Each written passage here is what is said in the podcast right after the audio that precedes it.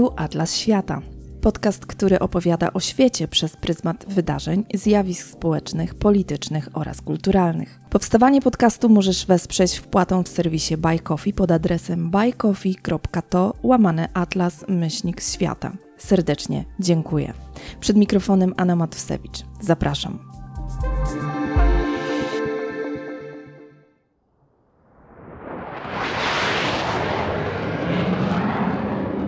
The helicopter doing the flyby right now? Red on ASAP. Roger. Give me a call as soon as the uh, C-130 is Według tureckich danych tylko w okresie od stycznia do sierpnia Grecja ponad 1100 razy naruszyła turecką przestrzeń powietrzną i morską. Według greckich danych, samego tylko 13 września tego roku zanotowano aż 110 naruszeń greckiej przestrzeni powietrznej przez tureckie myśliwce. Ten ping-pong trwa od lat, ale w tym roku przybrał szczególnie na sile. We are aware of these remarks and these hostile remarks by the political leadership of Turkey against Greece and the Greek people are. Ponownie, bo od ostatniego poważnego kryzysu nie minęły dwa lata. W 2020 roku w zaogodzenie spraw zaangażowane były instytucje unijne i natowskie. Topór wojenny jednak nie został zakopany, a jedynie odłożony na chwilę. W Atlasie Świata rozmawiam dziś z Karoliną Wandą Olszowską, turkolożką historyczką z Uniwersytetu Jagiellońskiego i autorką podcastu W szpilkach dookoła świata, w którym przybliża turecką politykę. Dzień dobry. Dzień dobry.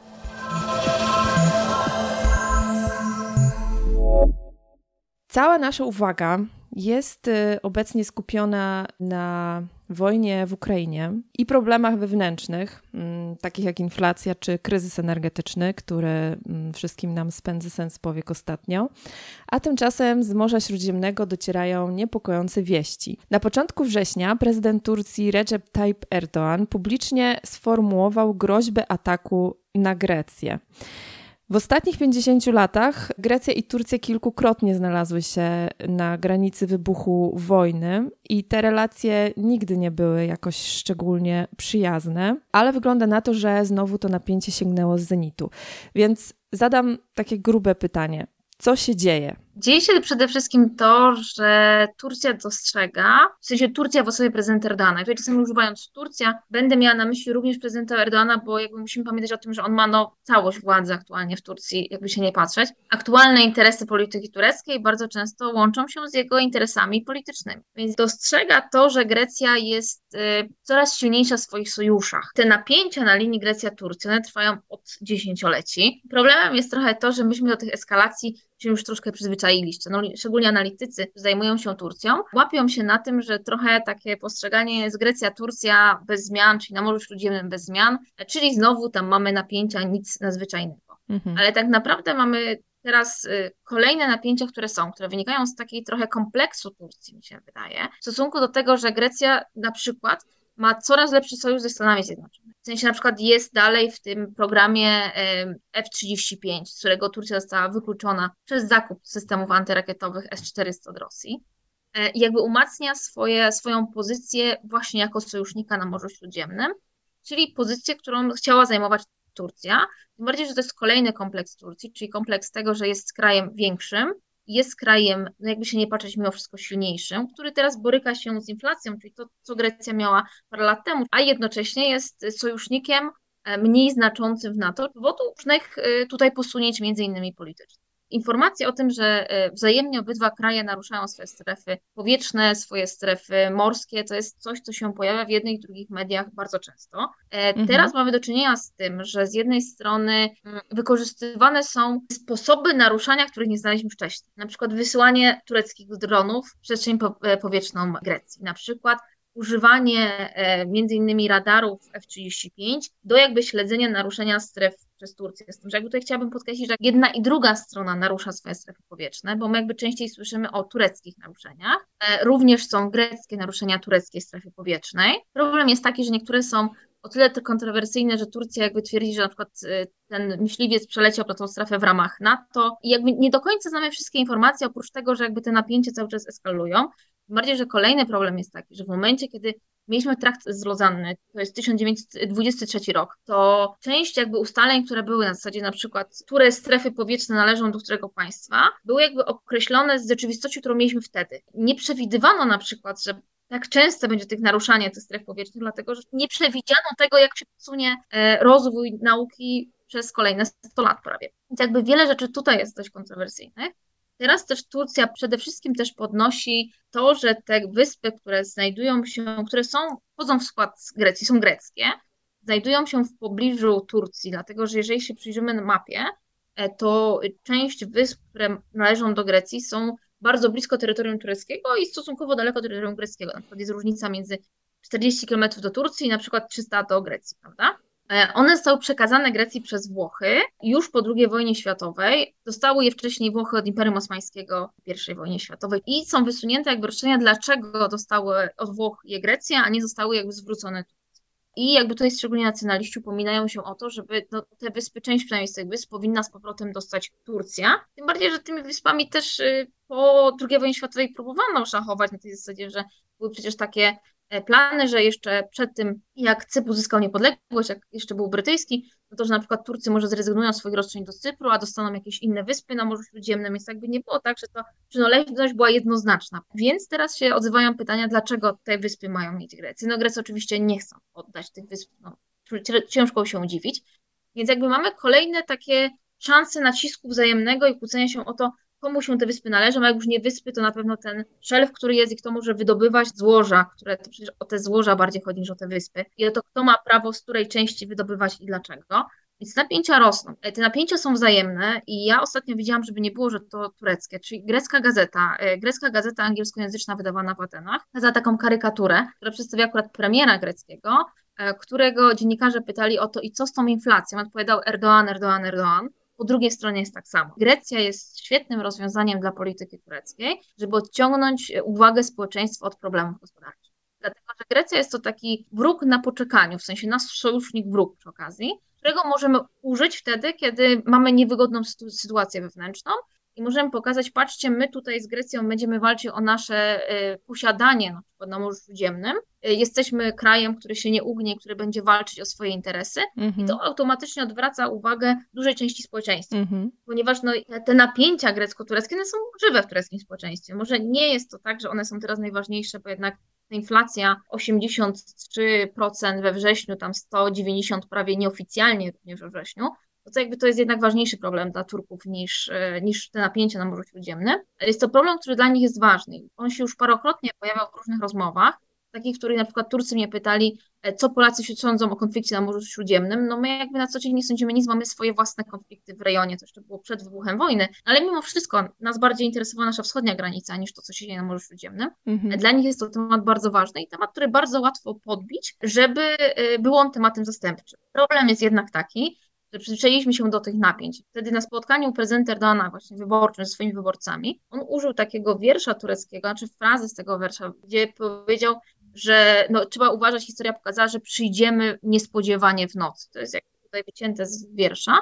No ale to jakby tutaj było taką groźbą. Ona była zawualowana, to nie była pierwsza groźba y, wzajemna Grecji oni tak przerzucają się takimi rzeczami, ale przez to, żeśmy się przyzwyczaili do tej eskalacji, jakby możemy czasami zapominać, że ona w którymś momencie może się wymknąć spod kontroli, bo to jest zagrożenie teraz, że w którymś momencie jakby granica zostanie przekroczona w którąś stronę, e, tym bardziej, że te napięcia są również napięciami bardzo emocjonalnymi po dwóch stronach, bo tutaj jakby mamy bardzo dużo zaszłości historycznych. No i co jak wybuchnie? Obydwa państwa są w NATO i są naszymi sojusznikami.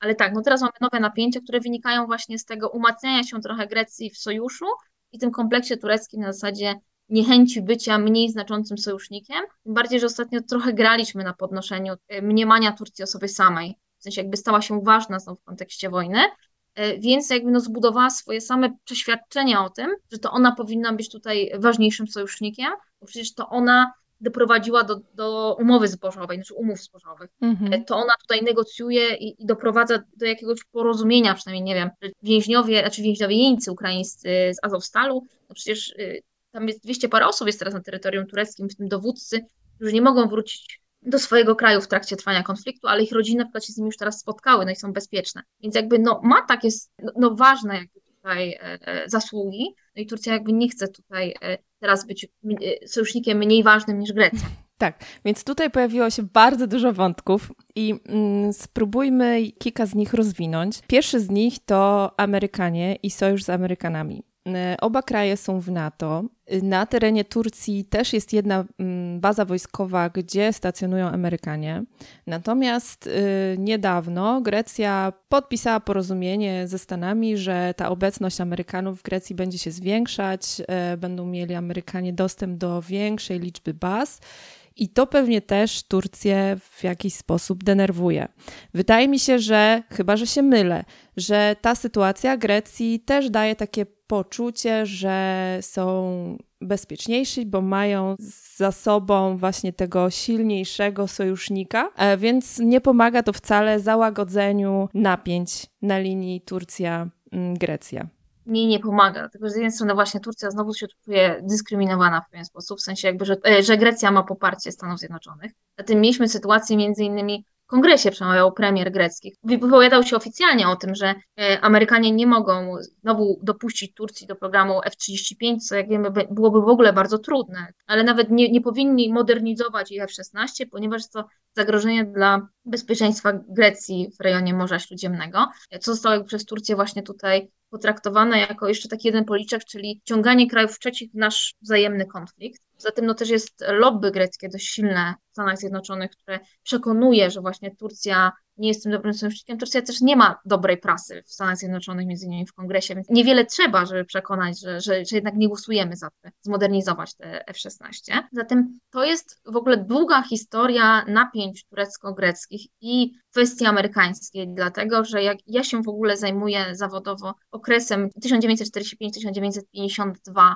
w badaniu relacji turecko-amerykańskich, turecko-sowieckich. Tam już się pojawiają kwestia właśnie Grecja, Turcja, Stany Zjednoczone. Wtedy jeszcze jakby obydwu krajom zależało na to, żeby wejść do NATO, więc jakby tutaj było wzajemne łagodzenie różnych konfliktów, żeby móc być częścią sojuszu, ale jednocześnie te Stany Zjednoczone i to, które państwo ono bardziej popiera, któremu bardziej pomaga, już było jakby ważne w wzajemnych relacjach. I, i to jest w ogóle w tej historii relacji turecko-greckich bardzo widoczne, jak właśnie jeden czy drugi kraj patrzy na to, po której stronie są Stany Zjednoczone i kogo bardziej popiera i w momencie, kiedy tego drugiego bardziej popiera, to my się zwrócimy w drugą stronę. Do tego, że Turcja znowu czuje się jako ten kraj, który jest sojusznikiem drugiej kategorii. Mamy jeszcze narrację, która pojawia się w samej Turcji. Pojawiło się na przykład w takich głównych dziennikach, no powiedziałabym porządowych, ale w Turcji bardzo mało jest tytułów prasowych, w ogóle tytułów medialnych, które nie są w jakiś sposób kontrolowane przez władze, z uwagi na to, że one są wykupione. Poza tym 13 e, października weszła ustawa właśnie o karze więźnia za fake newsy, fake newsy, co sprawia, że teraz dziennikarze w ogóle będą się bali podawać informacje, które są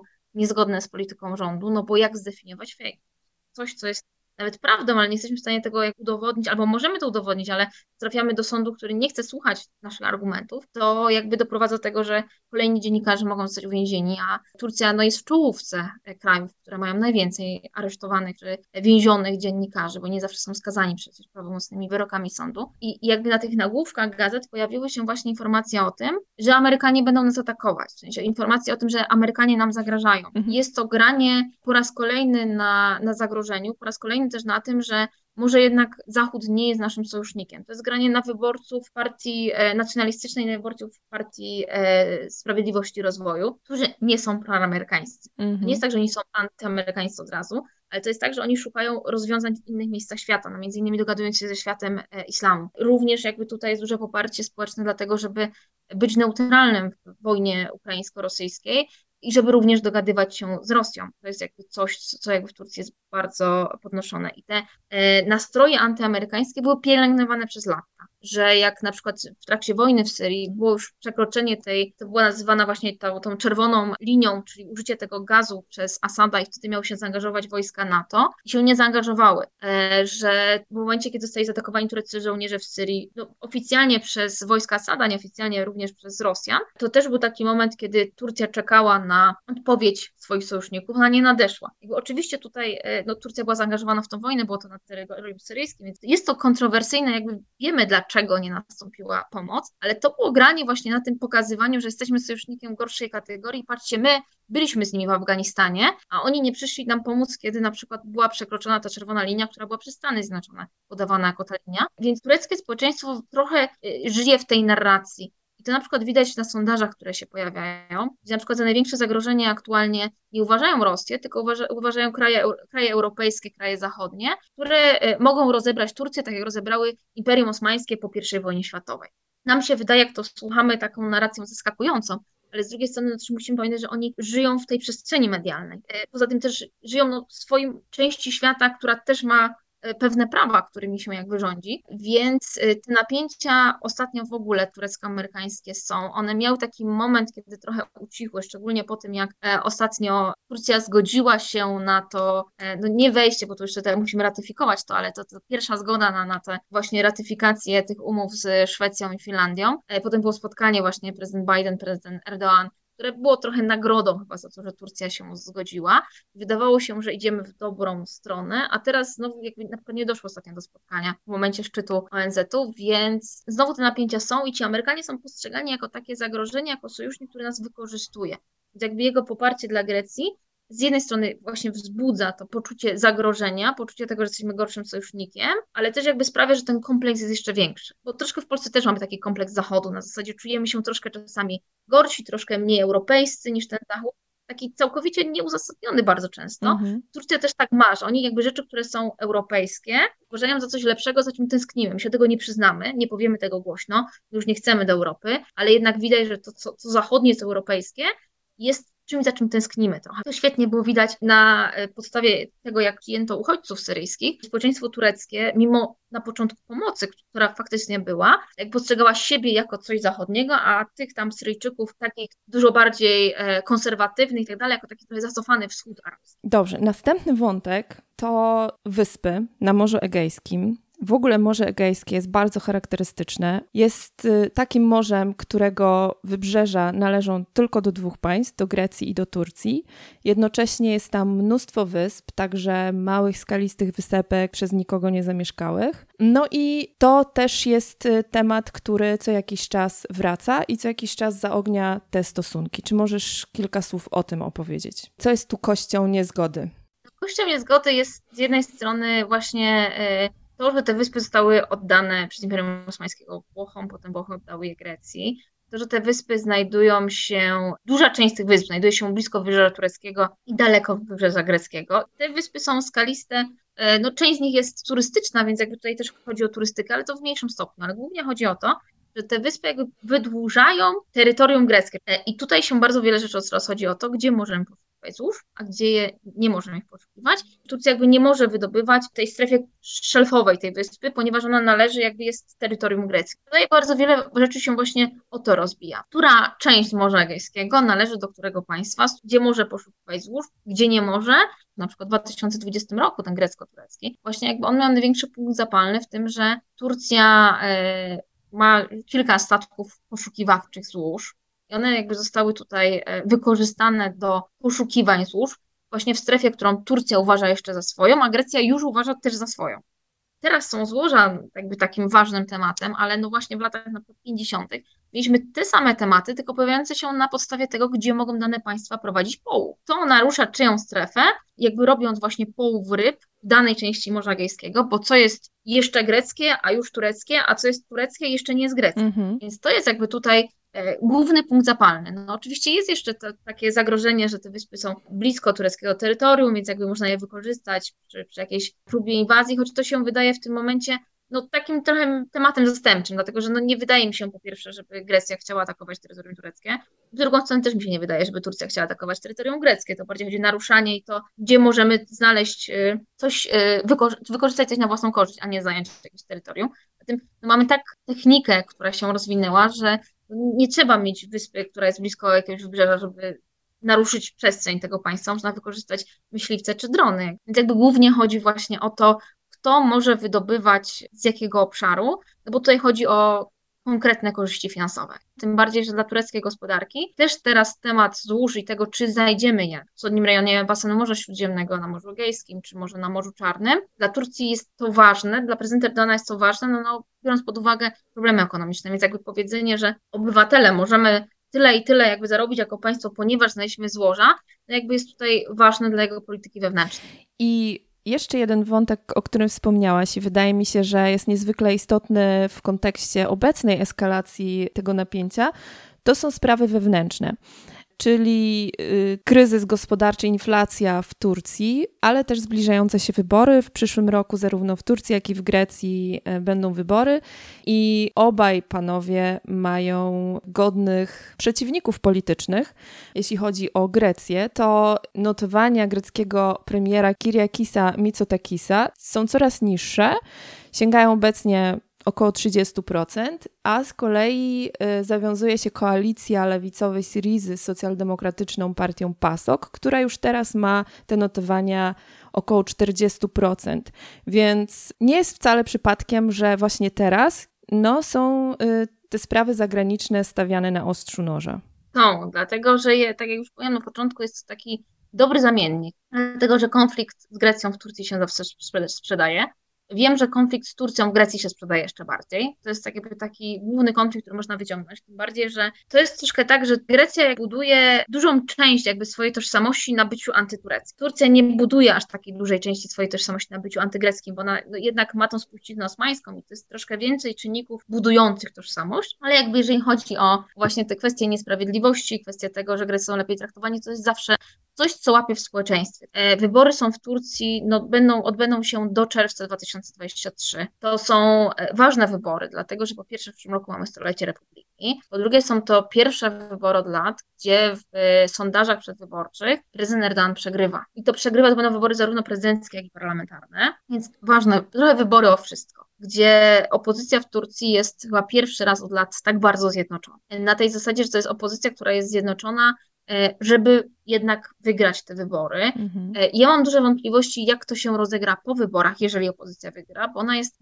zjednoczona, ale mają tak różne poglądy na prowadzenie polityki, tego jak ma to państwo wyglądać, że ja myślę, że będzie im trudno prowadzić e, politykę wspólnie tej takiej bardzo szerokiej koalicji, ale jednocześnie no, może to wystarczyć, żeby przejąć władzę w Turcji, co nie będzie łatwe, nie tylko dlatego, że jednak prezydent Erdogan trzyma się dzielnie, jakby prowadzi całą swoją politykę teraz nastawioną na, na właśnie politykę wewnętrzną. W sensie cała jego polityka zagraniczna, polityka państwa w tym momencie jakby wewnętrzna jest nastawiona na te wybory 2023, ale też dlatego, że no, się, przy tych wyborach może również dojść do różnego rodzaju fałszerstw. Tego się możemy spodziewać. Nie wiadomo na jaką skalę, ale jeżeli społeczeństwo faktycznie nie będzie popierać Erdogana, to on po prostu przegra, dlatego że to nie jest możliwość sfałszowania wyborów, tak jak nie wiem, na Białorusi czy, czy w Rosji. To, to nie ten wymiar.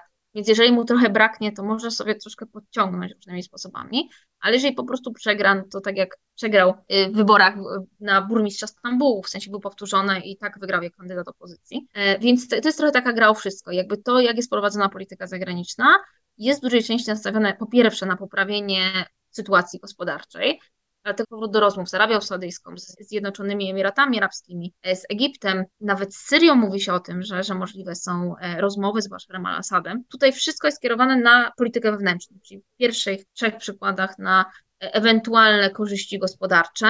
Jeżeli chodzi o Syrię, to porozumienie się co do tego, co zrobimy z uchodźcami syryjskimi, których mamy w Turcji, ponieważ społeczeństwo tureckie teraz jest bardzo antyimigranckie i jakby chce żeby oni wrócili do siebie i to jak najszybciej. E, więc jakby tutaj cała polityka jest nastawiona na wygraną w wyborach. I jak również widzimy po niektórych sondażach, przynosi to korzyści, dlatego że e, czy prowadzenie polityki zagranicznej, która z jednej strony jest nastawiona na, na korzyści i nie eskalowanie, ale z drugiej strony eskalowanie z tymi, których uważamy za wrogów, e, no cieszy się w tureckim społeczeństwie poparciem. Jakby wzrasta odsetek tych osób, które twierdzą, że prezydent Erdogan prowadzi dobrą politykę zagraniczną. Jako polityka w stosunku do Rosji też tutaj cieszy się poparciem z uwagi na to, że jak najwięcej e, gospodarczych korzyści w tym momencie stara się dla Turcji wyciągnąć, choćby to odroczenie spłaty gazu e, do chyba 2024 roku. Więc to jakby społeczeństwie tureckim się podoba, dlatego że jest to realną korzyścią, przynajmniej w założeniu ma być. Wszystko, co w tym momencie w Turcji widzimy w polityce zagranicznej,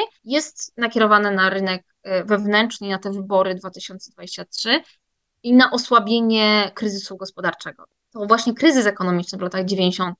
doprowadził do tego, że w 2002 roku Partia Sprawiedliwości i Rozwoju przejęła władzę.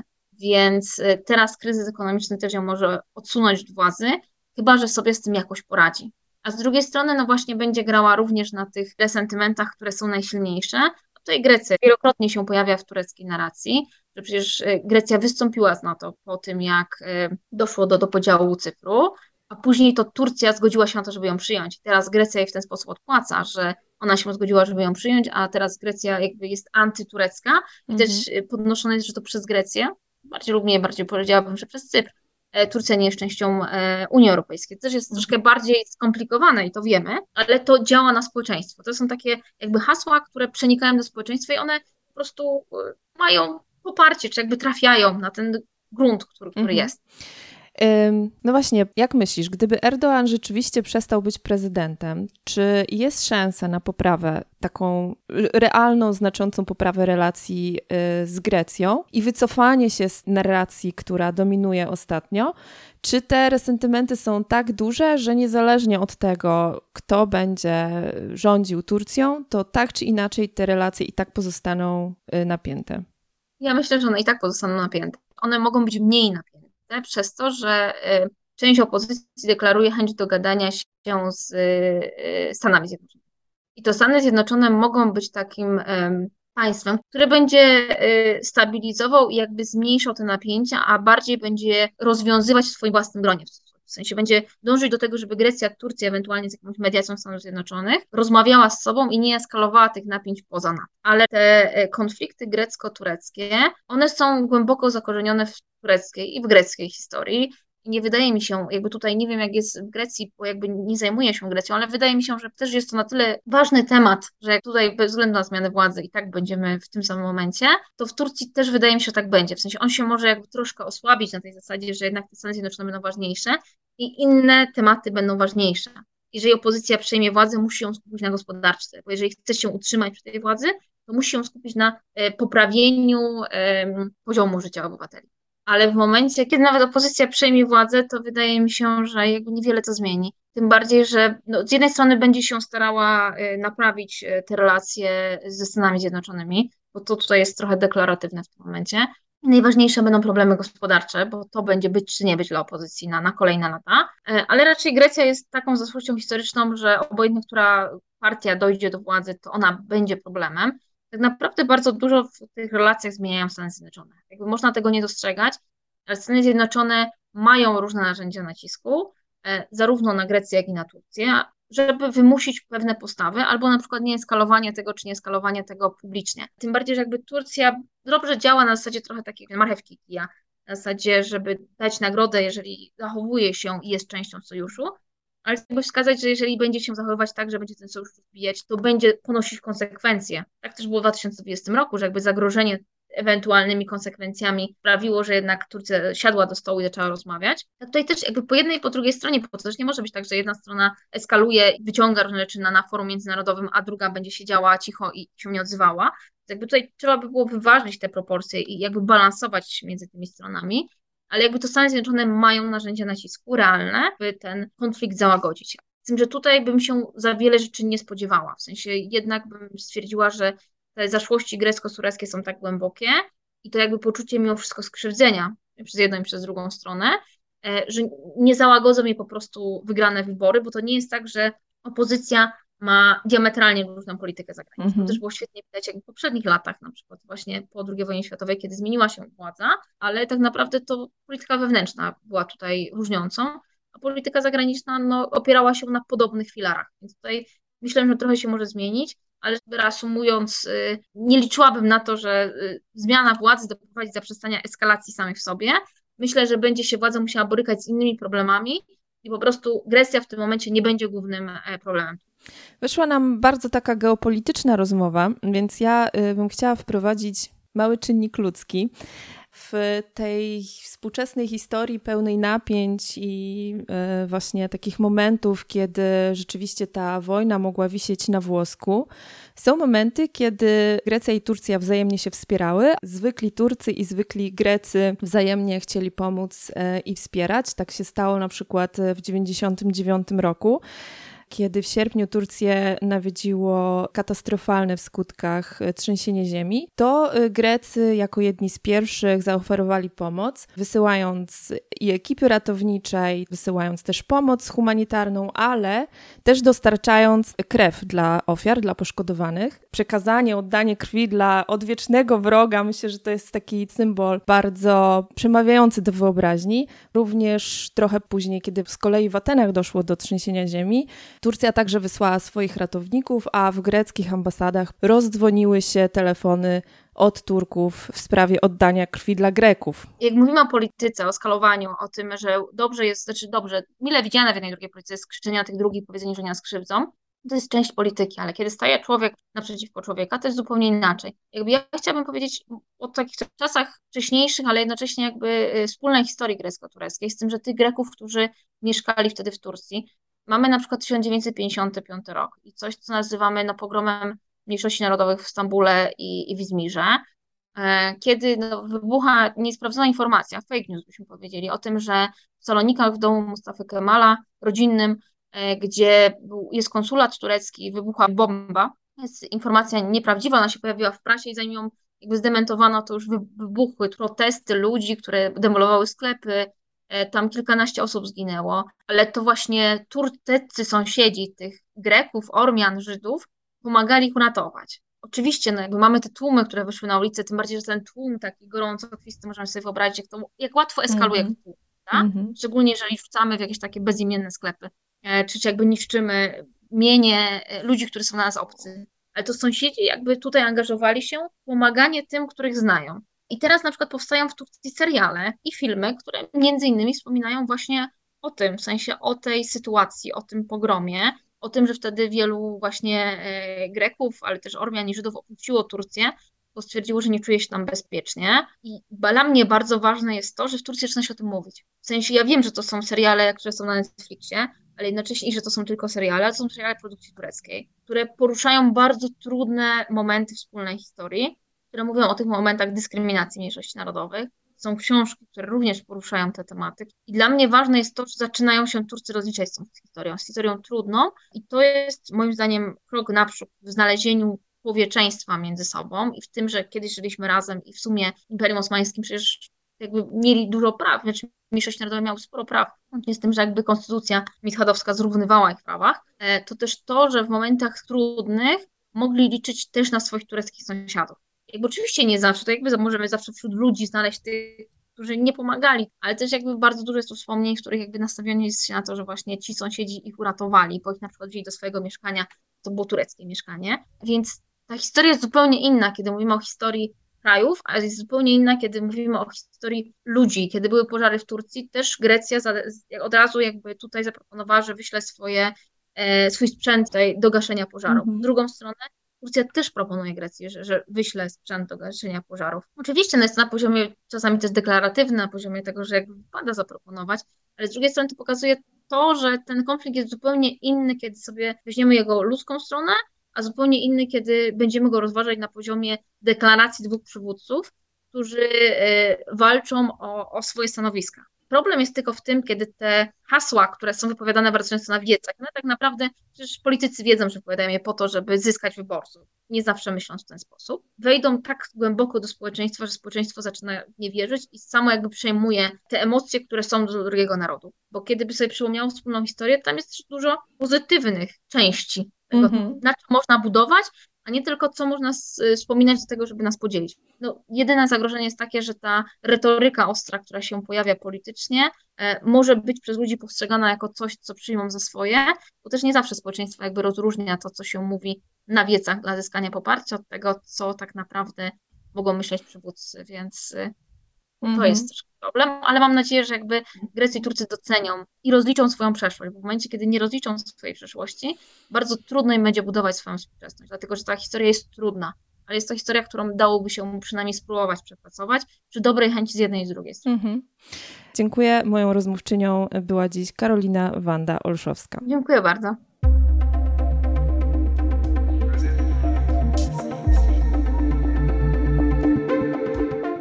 Wszystkie odcinki podcastu Atlas Świata znajdziecie na stronie atlas-świata.pl, na YouTubie, na Spotify i w innych serwisach, gdzie lubicie słuchać podcastów. Obserwujcie, komentujcie i dzielcie się linkiem do Atlasu z innymi. Ja się nazywam Anna Mocewicz. Dziękuję za uwagę i do usłyszenia.